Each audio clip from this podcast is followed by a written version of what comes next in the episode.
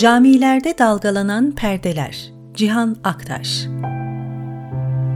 Bir tarafta Süleymaniye gibi şaheser camilerin hele geceleri turistik hedefler zaviyesinde ıssızlaşmasına göz yumulurken, gündüz saatlerinde yol üstü camilerde kadınlar bölümünden çocuk sesleriyle birlikte taşan sesler cemaat arasında şikayet konusu oluyor. İstanbul'un uzak geçmişindeki agorayı sağlam ve güçlü erkeklere tahsis eden antik Yunan şehri geleneği şimdiki zamanda kendini hatırlatıyor bu itirazlarda. Gel gelelim zamanın icaplarına sağır kalarak gerçek bir huzur ve sükuneti sağlayamıyorsunuz. Uğur Tanyeli'nin okul mimarisi üzerine Temmuz ayı başlarında verdiği mecazi ve gerçek anlamıyla eğitim yerine erişim mimarisi başlıklı konferansta geçiyor aradığımız kelime.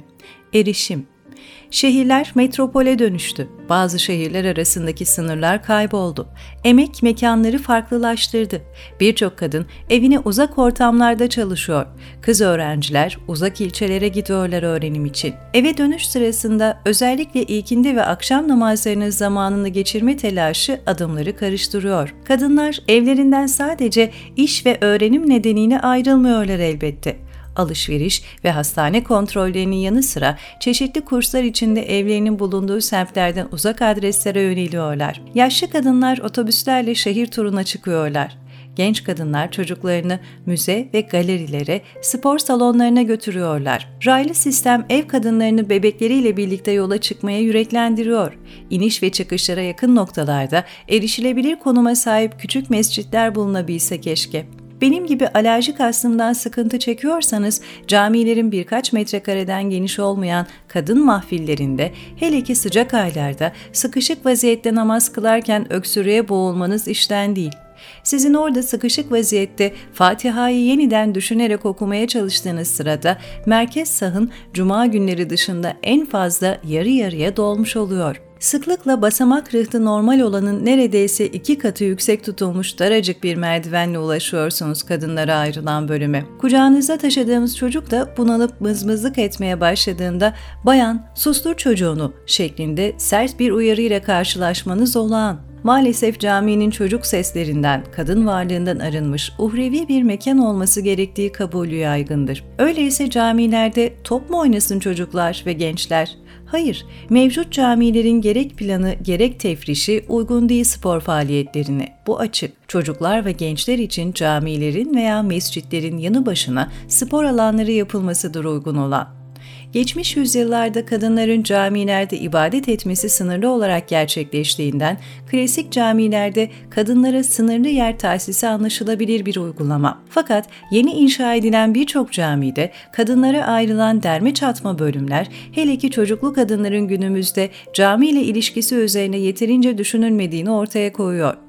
Kadınların şehir içinde geçmişte olmadığı kadar dolaştığı bir dönemdeyiz. Ne var ki yeni camilerde de klasik formda olduğu kadar yer ayrılıyor kadın mahfillerine. Yurt dışında yaşayan Türklerin bulunduğu şehirlerde yaptırdığı camilerde de benzeri planlarla hareket ediliyor.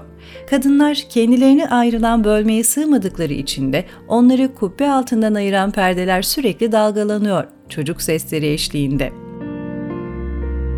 Sancaklar Camii'nin mimarı Emre Arolat, bu caminin ibadete açıldığı ilk haftalarda düzenlenen bir panelde ülkemizdeki cami mimarisinin temel meselesini şöyle özetlemişti. Dinle kurduğumuz ilişki nasılsa bu camiye de yansıyor.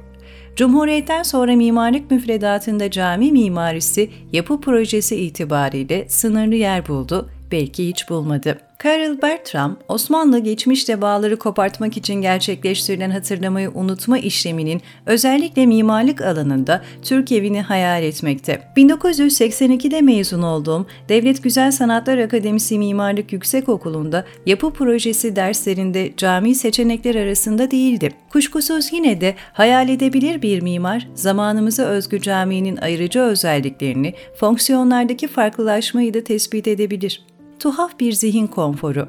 Mimarlık fakültelerinde cami projesine yer verilmediği halde her kesimden muhafazakar aydının şikayet konusu ola gelmiştir. Sinan camilerini taklit eden çirkin, varoş camileri. Cami yaptırma ve koruma dernekleri tarafından alelacele inşa edilen gece kondu camiler, göçmen insanımızın yeni yerleşimde kendini evinde hissetmesine yardım ediyordu oysa. Şimdilerde cami merkezde eski mahalleler yok. Çocuklar sokaksız ve bizler sanat eseri klasik camilerimiz erişim güçlüğü nedeniyle ıssızlaşırken aynı camileri taklit yoluyla çoğaltmaktayız. Betonun imkanlarıyla gerçekleşen taklit iç açıcı bir tekrar olamıyor elbette. Kendi dönemimizin estetik temsili gerçek ihtiyaçlar hesaba katılmadığında nasıl mümkün olabilir zaten? Geçen yıl gerçekleşen Amerika seyahatimde Washington eyaleti sınırlarında bulunan Redmond'da özellikle Kuzey Afrika ülkelerine mensup Müslümanlar tarafından yaptırılan Redmond Camii'ni inceleme fırsatı bulmuştum. Büyük komplekste namaz kılınan geniş salonun dışında kütüphane, toplantı ve etkinlik salonları, çocuklar ve gençler için spor mekanları düşünülmüş. Çocuklar ve gençler cami kültürünü işte böyle tabii bir şekilde alıyorlar. İran'daki camilerin yanlarında Hüseyniye ve Zeynebiyeler vardır. Çocuklar ve gençler, kadınlar bu kültürel amaçlı salonlarda çeşitli kurslara katılabilirler. Cami merkezi hayatın bir anlamı da böyle bir katılım olsa gerek. Kadınlar cami yaptırma derneklerinde faal olsalardı, kadın mimarlar cami projeleri hazırlasalardı, kadın mahfilleri konusunda süregelen aktarım hatası daha kolay düzeltilebilirdi. Kültürel geçmişimizde bir kadın mimar kaydı mevcut değil. İçinde bulunduğumuz dönemde de nadiren cami yapan kadın mimarla karşılaşıyoruz. Selçuklu ve Osmanlı dönemlerinde hanım sultanlar cami yapımını himaye edip yaptıracakları cami konusunda da mimarı yönlendirdiler. Hunat Hatun, Mihrimah Sultan, Nurbanu Valide Sultan, Bezmi Alem Valide Sultan içlerinden birkaçı. 2 Nisan 2015'te 15 Temmuz şehidi Mustafa Canbaz'la Üsküdar Sultantepe'deki eski camileri birlikte dolaşmıştık. Mustafa Canbaz sadece İstanbul'u değil, bütün Türkiye'yi mimari mirasımızın kayıt altına alınması için karış karış dolaşan kıymetli bir insandı. Makbule Yalkılday üzerine hazırladığım metinden haberdar olan Ayşe Olgun'un vasıtasıyla ulaşmıştım kendisine. Sultantepe camilerinden birini rahmetli Yalkılday 60'lı yıllarda temelden restore etmiş. Biz işte o camiyi arıyorduk. Aynı gün restore tarihleri aşağı yukarı bilmenin güveniyle aradığımız caminin Sultantepe Müderris Abdülbaki Efendi Camii olduğuna neredeyse emin olmuştum. Fatih Camii, İsmail Ağa Camii gibi birçok camiyi restore etmiş Yalkılday. Sayısını hatırlayamadığı kadar çok caminin restorasyonunda çalıştığı halde bu çalışmaları defterdarlık görevi kapsamında gerçekleştirdiği için kayıtları yok maalesef. 2011'de Cumhuriyet Gazetesi'nden Ali Deniz Uslu'ya verdiği röportajı okuduktan sonra aramaya başlamıştım Makbule Yalkıldayı. Benim için ilginç bir tecrübeydi.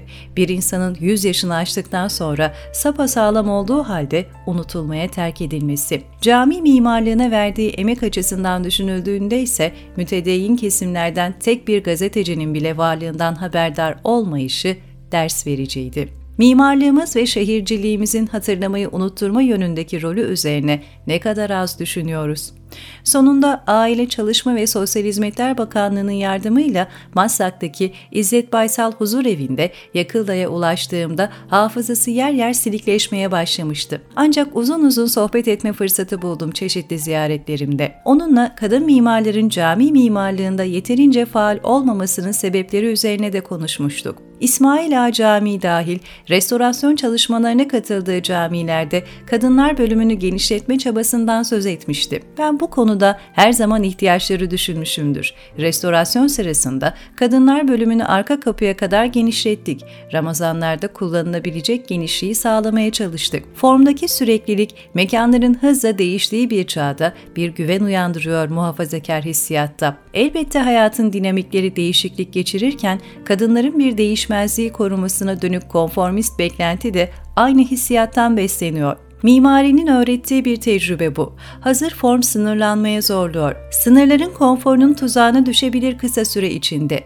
mimar gibi mekanın kullanıcısı da. Çok açık ki ihtiyaçlara karşılık vermeyen bir formun estetiği gözümüze ne kadar güzel gelirse gelsin müze sınırlarına girer, seyirliktir. Cami mimarisi üzerine konuşurken Kuba Mescidi ilk örneğine geri dönüp caminin günümüzdeki fonksiyonları üzerine yeniden düşünmeliyiz. Peygamberimiz namaz kılarken çocukları seccadesinin etrafından uzaklaştırmıyor.